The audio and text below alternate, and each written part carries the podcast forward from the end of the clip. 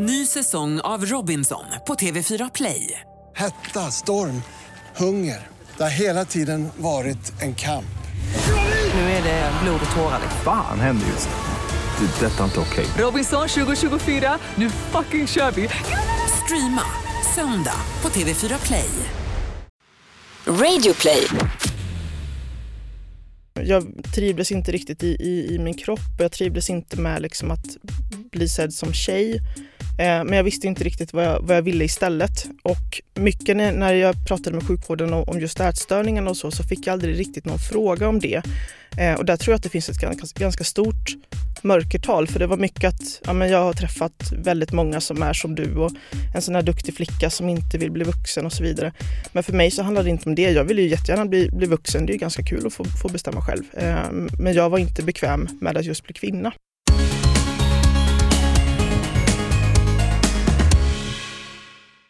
Hej Tobias! Tjena Anton! Och välkommen till dig som lyssnar på Regnbågsliv, Sveriges största HBTQ-podd, där vi pratar om komma ut, självidentifikation och mänskliga rättigheter, bland mycket annat. Och vårt motto, det är att du är bra som du är. Alltid. You be you. Always in always. Ja, någonting sånt.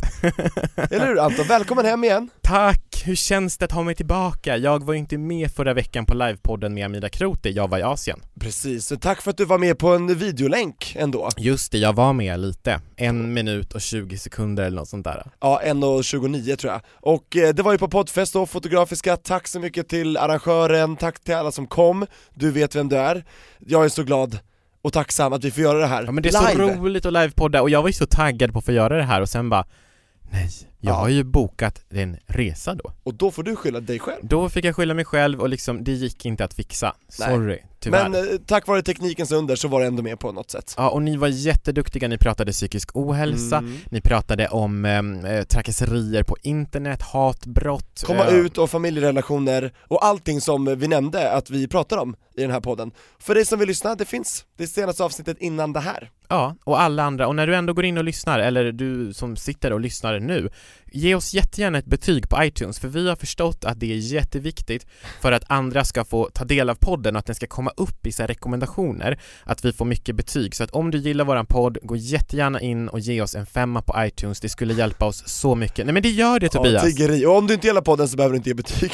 Jo men det får man visst det, men eh, då kan man skriva till oss istället. ja, det kan man göra. Och eh, den här veckan har vi med oss en väldigt eh, härlig person. Ja, Victoria Härjeryd.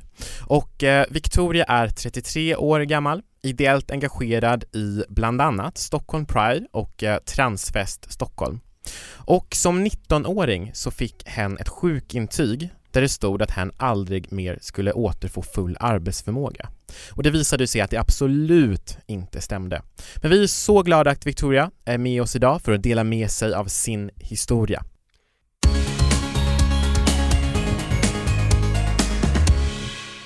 Välkommen in Victoria! Tack så jättemycket. Och för den som inte vet vem du är, vem är Victoria Härjeryd? Ja, nej men jag jobbar inom IT-branschen till vardags eh, som chef där för ett gäng drifttekniker. Jätteroligt faktiskt.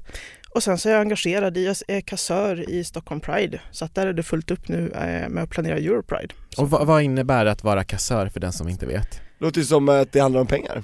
Ja men faktiskt. Ehm, nej men jag ser till att vi har lite koll på våran, våran budget, att det går som, som det ska kan man säga. Sen har jag en fantastisk ideell organisation med eh, ekonomipersoner som hjälper mig. Och det är extra viktigt när det är Europride, för då är det lite mer pengar som det, har, han- det handlar om. Ja, det är ju tyvärr inte så, så mycket extra som vi skulle önska. Som det förtjänar det här evenemanget. Eller hur? Jag håller helt Mm. med. Jag har ju själv eh, volontärjobbat för Stockholm Pride två somrar och eh, det är ju så sjukt att många tror ju att liksom Europride och att Stockholm Pride och Har hur mycket eh, pengar har som mycket helst. pengar som helst och att det liksom är miljoner som flödar in i bidrag och att det är eh, anställda med liksom stora löner men det är ju liksom en ideell verksamhet, eller hur? Ja, det är ju, alla är ju ideella. Ja. Eh, Så att det stöter vi på jätteofta att folk tror varför svarar ni inte väldigt snabbt dagtid och sådana saker. ja. Men det är ju också att ha lyckats ska jag tänka att, att vi verkar vara liksom större än vad vi är egentligen. Det är ju Just det. mycket ideellt hårt arbete som ligger bakom. Ja, Mm. eldsjälar som eh, bidrar till regnbågskampen, det är härligt. Och du är en av dem Victoria. Och sen är du också engagerad i Transfest Stockholm. Ja men precis. Jag hörde att du är Eh, bagare. Ja, jag håller på att baka lite sockerkaka faktiskt En till sockerbagare. nästa transfest. Ja. Och vad är Transfest Stockholm för den som inte vet? Eh, Det är en eh, jättefin förening faktiskt eh, som ordnar positiva, stärkande, trygga mötesplatser för transpersoner och allierade. Just det. Hur mycket bakar du till en sån eh, tillställning? Så Alltså, mycket jag bara orkar. Fika är ju väldigt trevligt. Alla älskar ju fika, Ja, eller hur? så är det. Men är det, alltså Transfest, Stock- Transfest Stockholm, är det en gång eller är det återkommande? Hur ser Är det det är återkommande. Eh, dels eh, har det varit filmfestivaler, eh, kulturfestivaler, eh, lite särskilt ja, fest och annat när det är, är Pride och li- lite saker hela året egentligen. Men jag tänker den som lyssnar då och vill eh, gå på det här, vad, eh, vart kommer det vara och hur kommer det gå till och så? Alltså det bästa är att, att eh, antingen leta upp hemsidan, det är bara att, att googla. Eh, eller, Transfest Stockholm. ja men exakt, eller kolla på Facebook så, Mm. så ligger uppe event med allt spännande som händer. Just Alltså det. tack sociala medier, vad gjorde Ja. du innan det? Men verkligen, och det är så Ja. viktigt som du säger Victoria med de här stärkande mötesplatserna. Ja, Och jag tänkte ställa en fråga till dig som vi brukar ställa till de allra flesta gäster i olika varianter. När insåg du för första gången att du inte var hetero och cis? När jag var liten så höll jag på väldigt mycket med, med idrott och sådär och tänkte inte på så mycket annat egentligen. Eh, men jag definierar mig som, som pan numera så jag blir Eh, kär i alla möjliga fina personer höll jag på att säga. Däremot så när det gäller att vara transperson, eh, vilket jag också är, eh, definierar mig som icke-binär där, så hade jag nog kunnat komma på det ganska mycket tidigare för det var ju en del av, av det här när jag mådde dåligt så att säga, att jag inte riktigt kände att jag passade in i den här eh, liksom rollen som förväntades av mig. Och jag funderade länge på, är det liksom bara vad jag har för intressen och, och jämställdhet och de bitarna som jag inte trivs med. Eh, men sen kom jag ju fram till att nej, men det, är, det är någonting mer, så att säga. Det har väl vuxit fram egentligen, men någonstans från ja, men sena tonåren ungefär Mm. så har jag känt till, känt till det, även om jag inte alltid kunde sätta ord på det. Mm. Du är ju med oss idag, dels för att prata om psykisk eh, ohälsa och eh, din resa med psykisk ohälsa. Och jag läste en, eh, ett inlägg som du gjorde på din Facebook-sida där du skrev att du gick igenom och läste lite gamla dikter. Och jag tänkte läsa upp en av dem. Mm. Eh, och då skrev du så här. Jag ber om ursäkt för mig själv varför finns jag? Varför jag? Varför kan inte jag få vara någon annan när jag själv inte är värd att få leva? Solen lyser på mig, jag måste till skuggan. Jag är inte värd solens ljus. Ljuset över världen, jag tillhör den ju inte. Vad tänker du när, när, när du läser den här dikten som du har skrivit? Alltså dels så känner jag ju vad jobbigt jag hade det då. Så Mm. känner jag ju verkligen. Eh, sen tror jag just den här dikten förmedlar en, en känsla som jag vet att många hbtq-personer i min närhet och transpersoner kan, kan relatera till. Lite det här att inte riktigt få finnas till som dig själv, att inte få tillhöra. Och den, den känslan är ju väldigt farlig om du mår dåligt. Du blir väldigt, väldigt ensam. Eh, så att där fyller ju alla de här mötesplatserna som finns en väldigt, väldigt viktig roll. Mm. Ja, just det. verkligen. Till exempel som Egalia och andra plattformar där hbtq-personer får mötas. Ja, och inte Mm. minst nu på internet också, Ja. som ju kanske inte fanns tidigare. Eh, Hur, hur gammal är den här dikten? Ja, jag är inte så gammal så internet fanns. Nej, nej, exakt, ja.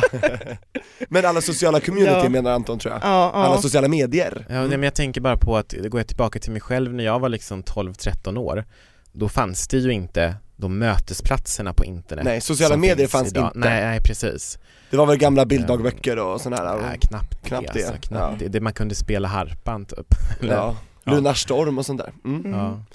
Men eh, hur gammal sa du att den här dikten var? Den är nog ungefär 15 år gammal skulle jag säga. Mm. Och internet var ju väldigt, väldigt viktigt för mig också. Jag träffade ju många personer som mådde un- ungefär som jag och hade liknande erfarenheter som var väldigt viktiga att bolla med också under min tid i sjukvården.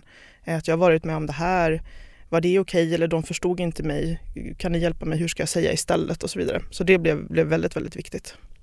Skulle du kunna berätta, då på tal om sjukvården, hur du kom i kontakt med den från första början? Jag tror att jag är en person som egentligen lite oavsett vad eh, skulle må dåligt så att säga. För jag, det händer mycket i mitt liv som är ganska naturligt att, att må dåligt utav. Det är, ju inte, det är ju inte konstigt så att säga. Och sen började jag ju må sämre ungefär i tioårsåldern.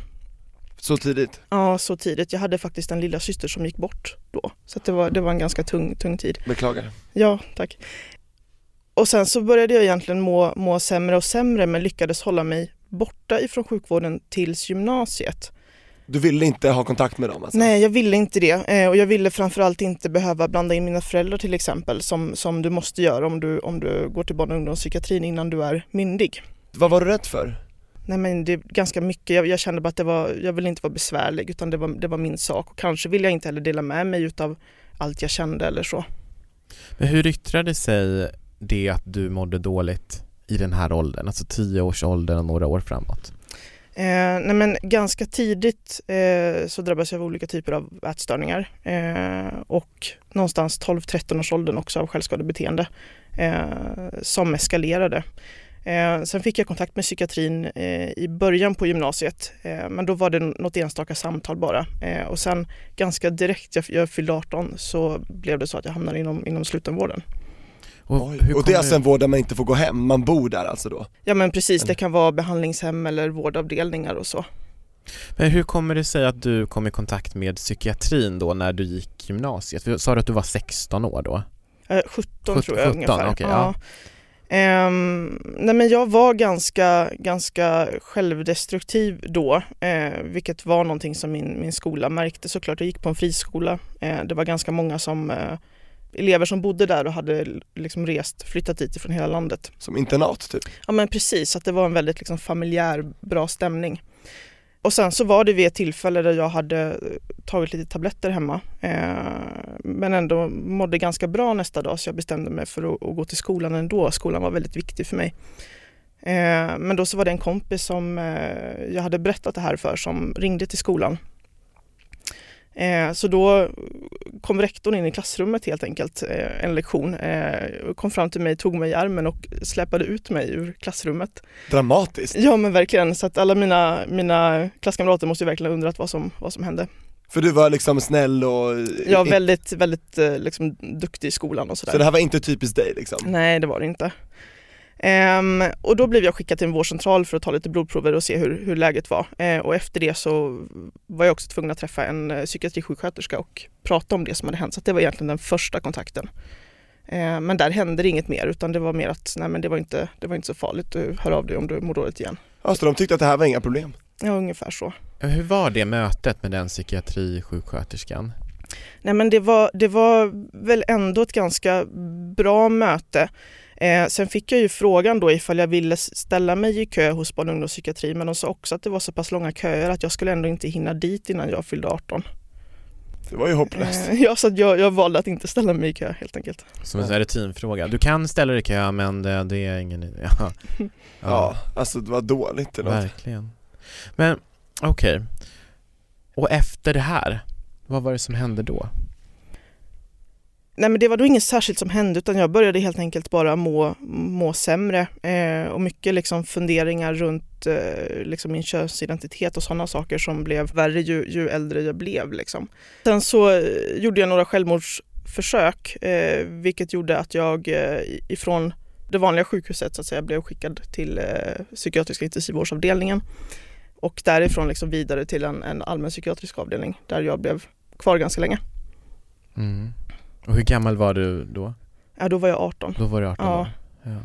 När, du, när du säger att du eh, hade tankar kring din könsidentitet, vad var det för tankar som du hade då? För det kan ju vara, yttra sig väldigt olika för olika personer. Mm.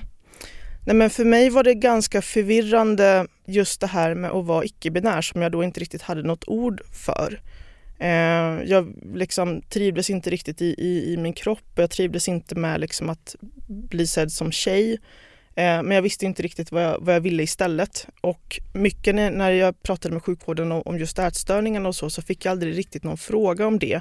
Eh, och där tror jag att det finns ett ganska, ganska stort mörkertal för det var mycket att ja, men jag har träffat väldigt många som är som du och en sån här duktig flicka som inte vill bli vuxen och så vidare.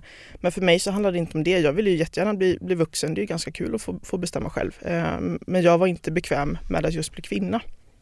Och då tolkade vården det som att du hade, det var vuxenvärlden som du liksom revolterade mot? Ja, eller? som jag var, var lite, lite rädd för. Ja. Absolut. Ja. Vilken miss alltså. Ja, för jag hade ju kunnat hitta mig själv mycket tidigare känner jag om jag hade fått lite andra typ av, av frågor kanske. Eh, Precis, för du kunde ju själv inte sätta ord på det, så att du hade ju ingen möjlighet, och, och ganska dåliga förutsättningar för att beskriva det. Mm, Känns som att, åh oh, vilken jobbig sits. mm. Hade du någon att prata med i den- kring den här tiden, när du var 18 år, om frågor som könsidentitet, eh, Sexuell sexualitet och så vidare? Ja, eh, och det var ju kanske inte, inte några inom sjukvården eller så. Eh, det var ju väldigt liksom starka, starka normer där som i resten av samhället egentligen men det blir så påtagligt där när du liksom är i en miljö där du eh, inte riktigt kan bestämma själv. Så att det var mest vänner eh, och så som jag hade att prata med om, om de bitarna. Just det. Vilket är ju helt fantastiskt såklart. Och det är vänner som du Ja. kanske har haft kontakter med från nätet då, som du hittade på olika plattformar då, eller? Ja, många, många av dem eh, träffade jag på nätet och sen eh, träffades vi ju IRL också såklart. På riktigt? Mm, på riktigt. Och ni har fortfarande kontakt än idag, några stycken? Ja, några Ja. stycken. Yes. Sen är det ju tyvärr ganska många av dem som, som inte finns, finns kvar idag. Som inte fick den hjälpen de behövde? Mm. Ja det är hemskt. Ja. Jag tänker på det här intyget som du fick när du var 19 år var det va? Mm. Fick, du fick du ett sjukintyg från en läkare där det stod att du aldrig skulle återfå full arbetsförmåga. Mm. Eh, och tack och lov ser ju sjukintygen annorlunda ut idag så att du kan inte längre, det finns inte längre en sån ruta utan eh, där, det kan inte bedömas för närvarande är liksom den motsvarigheten som finns nu. Men det fick jag då, eh, ett sånt sjukintyg när jag var 19 eh, och det var väldigt, väldigt tungt att få. Dels var min livssituation i övrigt väldigt besvärlig då eh, och jag hade varit väldigt länge inom slutenvården och blev otroligt hospitaliserad som det kallas, alltså påverkad av den miljön jag hade befunnit mig i. Eh, Vad innebär det? eh, när du får leva väldigt länge på ett sånt sätt att du inte bestämmer själv liksom när du ska äta, när du får gå ut, när du får duscha, hur länge du får duscha, eh, vilka du ska prata med och så vidare så blir du väldigt, väldigt påverkad. För, för egen del så fick jag väldigt svårt att fungera i samhället efter det. Eh, vågade inte gå ut, hade jättesvårt för folksamlingar, gå och handla, svara i telefon, eh, allting. Så, att, eh, Så interaktion med andra människor blev jobbigare? Ja, och bara försöka ha ett vanligt liv med liksom egna rutiner som jag bestämmer själv, som inte någon annan bestämmer åt mig. Det var ingen som skulle släppa ut mig genom dörren utan jag kunde gå ut själv så att säga. Så det var en väldigt stor omställning och sen hade jag också, eh, min hyresvärd hade ju sagt att eh, om polisen eller ambulansen kommer hit en gång till så blir ni vräkta. Eh, så det var också en väldigt, väldigt svår situation. Oj. Och, och då hade polisen och ambulansen kommit dit på grund av självmordsförsök eller? Ja, precis. Självmordsförsök och självskade, självskadebeteende så. Och det där kan jag ju i efterhand känna att det måste ju vara lika okej att ambulansen kommer av en sån anledning som att en liksom, fysisk somatisk sjukdom. Eller? Som, eller Ja. som att det har brunnit och man har skadat sig av en olyckshändelse alltså. ja, Ja det där var jättekonstig värld. Och det är väl Ja. också ett kvitto på att eh, psykisk ohälsa oftast eh, inte ses på samma sätt som en, en eh, man har brutit ett ben till exempel eller att man har lunginflammation vilket ju är jättemärkligt. Jag tycker Mm. att psykisk skada ska tas på lika stort allvar som fysisk skada, precis, jag håller helt med. Ja men verkligen. ja men Absolut. verkligen. Och förhoppningsvis har vi ju, nu- mina erfarenheter är ganska gamla och jag är medveten om att jag har haft mycket otur. Eh, så förhoppningsvis har vi, har vi kommit mycket längre. Eh, men just hela den livssituationen och också det här med mm, alltså bekymmer med Försäkringskassan och att få pengar och så vidare. Ja, man blir Eh, knäpp bara av det. Ja men verkligen. Du måste vara otroligt stark för att orka med det. Eh, och att då få stämpeln någonstans att du kommer, kommer aldrig kunna fungera i samhället, för det var ju så jag såg det. Det, det var väldigt, väldigt tungt. Då tyckte ju sjukvården att jag hade liksom fått gå i terapi, jag hade varit inlagd inom slutenvården väldigt länge, jag hade varit på behandlingshem och så vidare. Eh, vad mer kunde de göra? Så att de var helt enkelt inte beredda att, att göra någonting mer. Så de gav upp. Ja, så jag, jag var väldigt utlämnad eh, där. Men, men hittade också styrka i det för, för då kände jag att det är ju ingen annan som kommer hjälpa mig här och då mådde jag väl ändå lite bättre. Jag, jag hade kommit fram till att ja, men jag ville nog leva. Däremot hade jag ett självskadebeteende som var väldigt svårt så att det i sig var väldigt farligt. Men så jag, jag bestämde mig för att nu, nu måste jag försöka ta mig ur det här på egen hand. Och det, det som också påverkade mig eh, där var faktiskt att jag träffade den här sköterskan som hade träffat vid min allra första kontakt med psykiatrin på slutet där eh, och hon sa till mig att men nu, nu Victoria, nu måste du sluta. Nu har du inte långt kvar, du kommer dö snart. Och det satte sig verkligen hos mig. Ny säsong av Robinson på TV4 Play. Hetta, storm, hunger. Det har hela tiden varit en kamp. Nu är det blod och tårar. Fan händer just nu. Det. är Detta är inte okej. Robinson 2024, nu fucking kör vi! Streama söndag på TV4 Play. Ett poddtips från Podplay. I podden Något Kaiko garanterar östgötarna Brutti och jag, Davva, dig en stor dos skratt. Där följer jag pladask för köttätandet igen. Man är lite som en jävla vampyr. Man har fått lite blodsmak och då måste man ha mer. Udda spaningar, fängslande anekdoter och en och annan arg rant. Jag måste ha mitt kaffe på morgonen för annars är jag ingen trevlig människa. Då är du ingen trevlig människa, punkt. Något Kaiko, hör du på Podplay. Därför är gardinerna. Häftigt. Ja, för jag tänker, du fick ju då när du var 19 år, du blev utskriven, så fick du då det här sjukintyget som sa att du aldrig skulle återfå arbetsförmåga och idag så har du ju uppenbarligen eh, verkligen en arbetsförmåga. Du är ju eh, ledare inom, eh, inom IT, du har eh, en, ideella engagemang där du har höga poster, sitter i styrelser. Mm. Hur, hur var den resan från det intyget till idag? Mm. Alltså den var ju väldigt, väldigt lång och otroligt tuff. Nu är det ju ungefär tio år som, som alltså sen min senaste sjukskrivning egentligen. Eh, så att det gick ju mycket, mycket upp och ner. Men det jag gjorde det var att jag sökte ett heltidsjobb helt enkelt och åkte på intervju och skulle flytta på juldagen faktiskt det året eh, och då så hamnade jag, eh, jag, jag råkade göra ett, ett självmordsförsök till strax innan jul det året och fick träffa den här läkaren igen som hade gett mig det här, här intyget och som också hade sagt att, eh, Eh, att det var fel på min personlighet så att de inte kunde, kunde göra någonting. Eh, så jag, jag fick säga till honom att eh, jag förstår att du inte tror mig nu men ni måste skriva ut mig för jag ska, jag ska flytta om två dagar eh, för jag har fått jobb. Eh, och han tyckte att det lät, lät jättemärkligt men eftersom att de ändå liksom inte ville hjälpa mig så blev jag ju utskriven då. Eh, så att jag flyttade helt enkelt eh, och började jobba. Och det som jag tror var dåligt för mig som hbtq-person var ju att jag bestämde mig för att nu måste jag verkligen verka så normal som möjligt för att ingen ska komma på mig och faktiskt se att jag är den här misslyckade liksom, personen som inte har någon arbetsförmåga eh, och som inte är normal.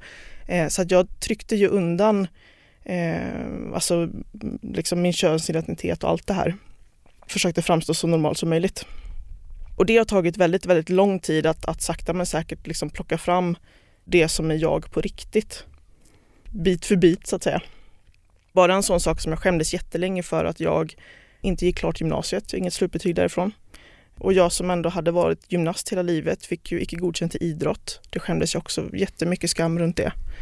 Eh, Var det på grund av biverkningar då från mediciner, eller hur? Ja, jag fick ju otroligt mycket, mycket mediciner och vissa av dem hade ju helt fruktansvärda biverkningar. Till exempel eh, så åt jag en medicin som gjorde att jag såg jättedåligt så att även om jag fick gå till skolan ibland och fast jag satt längst fram, vilket inte var jättekul att gå ifrån liksom en psykiatriavdelning till att sätta sig längst fram i klassrummet så, eh, så kunde jag ändå inte se vad som stod på tavlan. Och jag, jag höll på med eh, luftgevärsskytte också. Det var väldigt viktigt för mig. Det fick jag ju sluta med för jag kunde ju inte se. Och jag fick också mediciner som gjorde att om jag eh, liksom gjorde hastiga rörelser eller försökte ta upp något från golvet så svimmade jag i princip. Så att det gick ju inte att hålla på med, med liksom gymnastik eller idrott heller. Det låter som att all fysisk aktivitet blir problematisk. Ja, nej men så var det verkligen och där tycker jag att det är så, det är så viktigt att liksom om, du, om du är någon som blir erbjuden mediciner så fråga om biverkningarna och får du bi- biverkningar som liksom begränsar ditt liv eh, så att du måste ge upp delar av dig själv eller saker som är viktigt för dig så säg till och byt. För det Liksom, kan ju försätta en ännu djupare en depression och Mm. eh, psykisk ohälsa, när du inte får känna dig som dig själv, du får inte göra det du tycker om att göra Mm. och man kanske inte får äta det man tycker om att äta. Mm. Jag kan tänka mig, hur är det att vara inlagd då på ställen eh, som kanske inte har den maten som du känner att du vill äta? För visst Mm. är du vegetarian? Ja, nej, men jag är vegetarian och det har jag ju eh, varit eh, sedan jag var 16 ungefär och det, det liksom ett väldigt ideologiskt ställningstagande som är viktigt för mig. Eh, och där var det ju till exempel det behandlingshem som jag var på som hade en ätstörningsinriktning eh, så att vi lagade maten själva och så. Där var det faktiskt inte tillåtet eh, att äta någonting annat än den liksom husmanskost som lagades och serverades. Så att jag var så tvungen att vara där och äta kött. Vilket absolut inte fick mig att må bättre. Eh, och sånt där hoppas jag verkligen inte existerar idag. Alltså var det för att de tänkte då att man ville ta bort valmöjligheten hos den som var ätstörd eller vad liksom? De hade väl en syn av att många som har en ätstörningsproblematik väljer bort vissa, vissa typer av livs, livsmedel och kött är ett sådant livsmedel. Men jag tycker att det är viktigt att ta reda på liksom, vad är det för, för person så att säga. Eh, så att du får vara en individ och inte bli liksom, ja, bara den här liksom, diagnosen. Ja, det känns ju också som att precis det här som du säger nu eh, Victoria om att eh, inte behöva vara sin diagnos. Det tror jag är så sjukt viktigt. Jag lyssnade på en intervju, jag kommer inte ihåg vem det var med, men då sa den personen, eh, det var en kvinna som eh, har eh, bipolär sjukdom och hon sa det att hon bara, jag är så trött på att folk säger till mig att jag är bipolär, men de säger det inte till min moster att hon är cancer. Så hon har cancer, men jag är bipolär. Hon bara, jag är inte bipolär, jag har, bip- jag har bipolär sjukdom. Förstår du vad jag menar? Ja men verkligen, Absolut. verkligen. Och det där är ju, för när du också försöker att, att få hjälp och du liksom blir bemött på ett sätt att jag har träffat personer som är som du, eh, ni brukar vara så här och så här. Och så passar du inte riktigt in på det men då är det väldigt lätt att tänka att ja, men om jag blir lite mer så då kanske jag faktiskt får den här hjälpen som jag behöver. Och det, där, det är ju så enkelt att istället säga att ja, men jag har träffat många personer med liknande problematik eller med liknande symptom som du har och så vidare. Eh, så där hoppas jag att vi har kommit li- lite längre, att frågorna ställs på, på ett bättre sätt. Och det blir nästan som att det skapas normer i Ja. liksom eh, för en, en diagnos så att säga. Nej, Ja. Men så är det. Jag fick ju faktiskt frågan ifall jag är bisexuell i och med mitt självskadebeteende. Det var, det var egentligen den enda relaterade frågan till hbtq som jag, som jag fick. Eh, och då blev jag ganska arg faktiskt. Ja, ja. Eh, för den, den fördomen finns ju.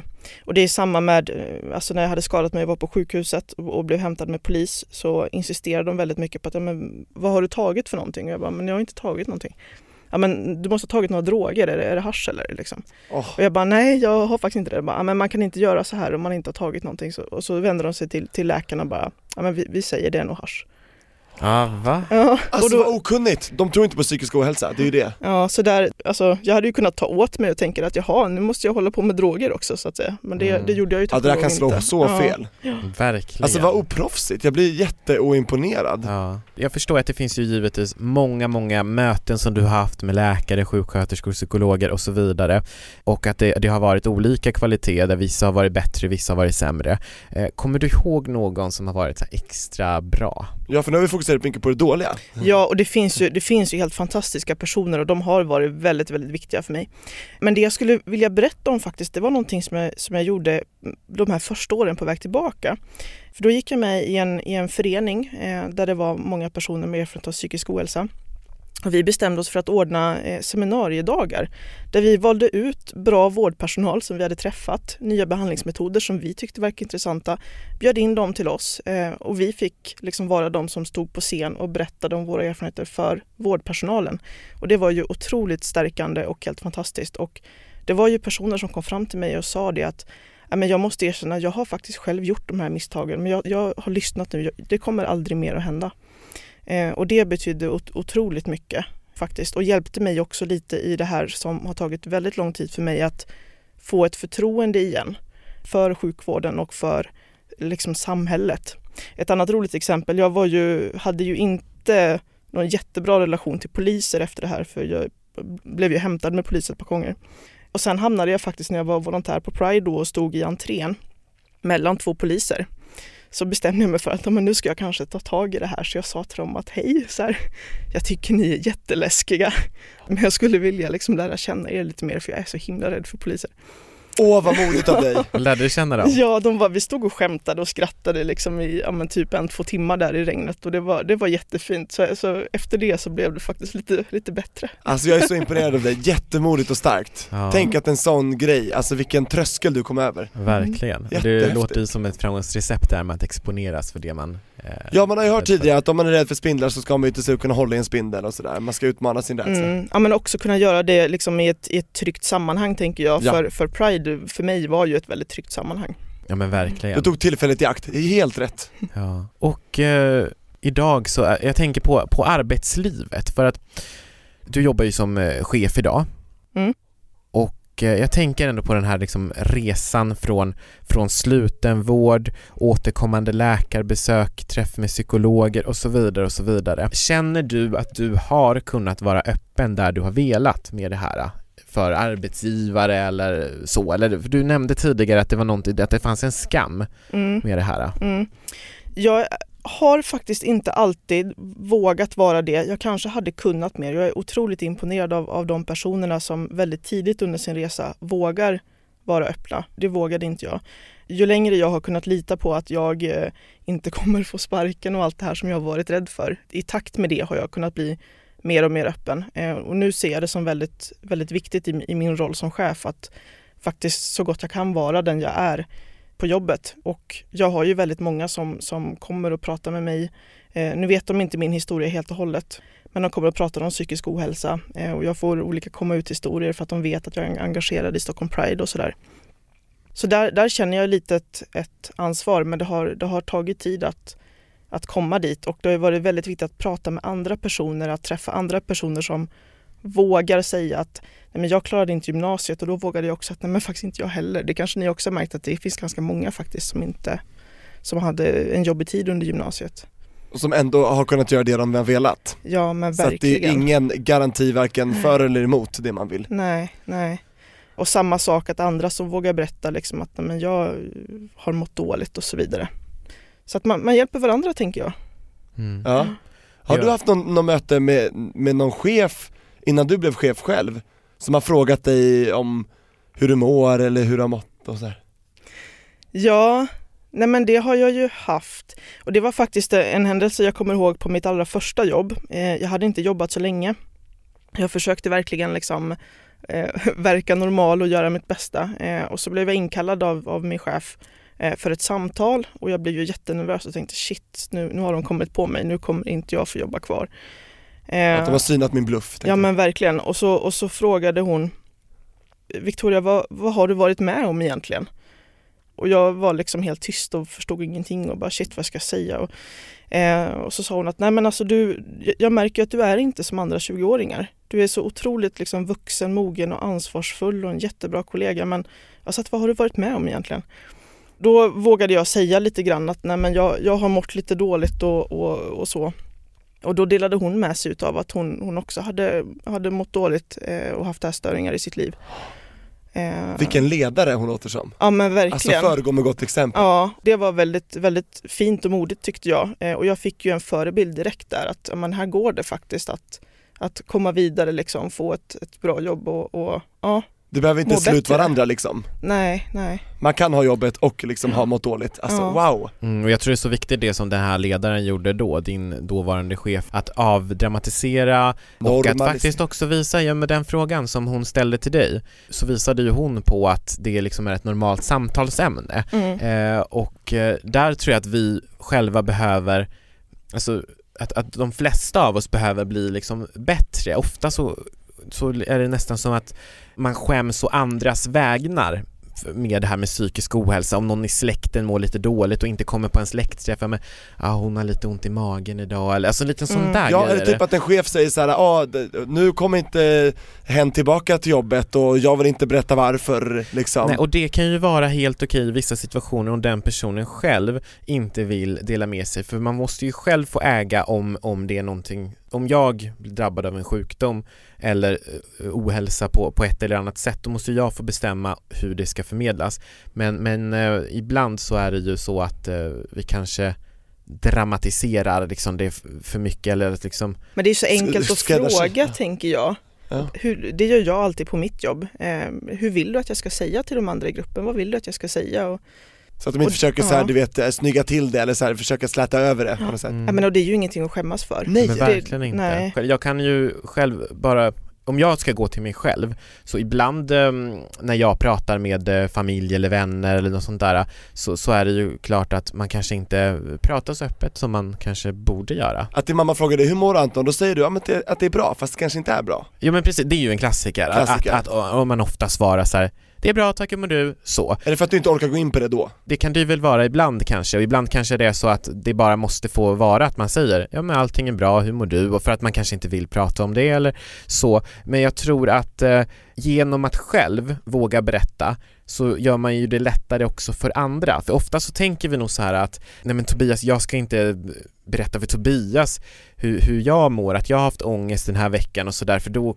tynger jag honom med mina problem. Men egentligen kanske du skulle må bra av att jag berättade det för dig för då skulle du känna att det var mer accepterat för dig att säga. Exakt, för då, då, då får ju du mig att vilja lätta det jag har, och då kanske det öppnar en port för ångesten att släppas ut. Ja det är för, precis. Men jag tänker bara på, ni vet den här, det Ja. känns så svenskt och bara per automatik. Mm. Det är bra, hur mår du? Men Bra. det där tror jag också har att göra med mycket på synen på psykisk ohälsa som jag tror att vi måste prata om det för att förändra den. För ofta är du nog rädd för att bli, bli sedd som svag eller inte bli lyssnad på eller tagen på allvar och så vidare. Och jag ser ju psykisk ohälsa som som sagt de flesta kommer råka ut för någon gång i livet själv eller vara närstående och så vidare.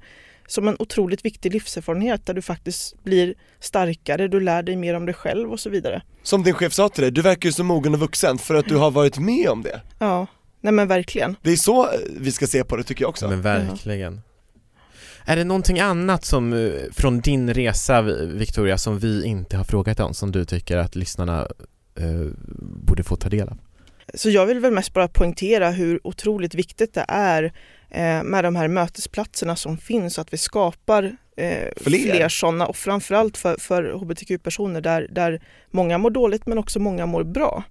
Och att vi, att vi vågar liksom prata, om, prata om de här sakerna och, och hjälpa varandra. Så att jag tycker att det är ett fantastiskt initiativ ni gör, att ni, att ni lyfter de här frågorna faktiskt. Det är så viktigt att fler öppnar upp, berättar och eh, Avdramatiserar. ja, Ja, Verkligen. verkligen. Jag håller helt med. Du känns som en bra chef, en ledare som gör det på din arbetsplats och jag hoppas att folk som lyssnar kan bli inspirerade och göra det där de eh, är och lever.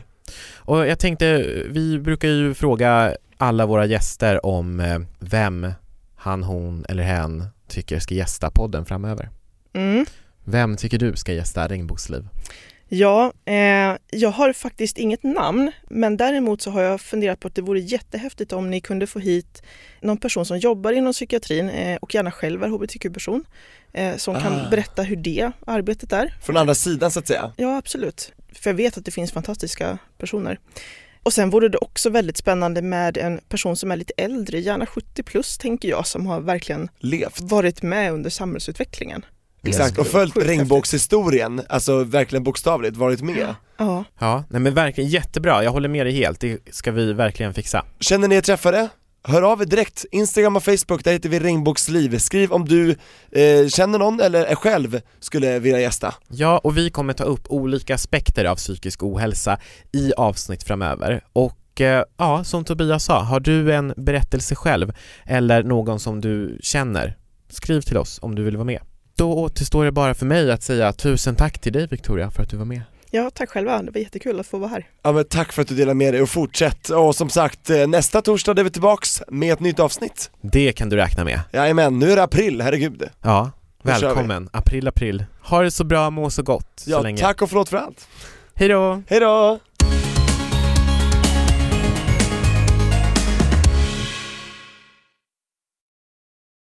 Ny säsong av Robinson på TV4 Play. Hetta, storm, hunger. Det har hela tiden varit en kamp. Nu är det blod och tårar. liksom. Fan händer just nu. Det. är Detta är inte okej. Robinson 2024, nu fucking kör vi! Streama söndag på TV4 Play.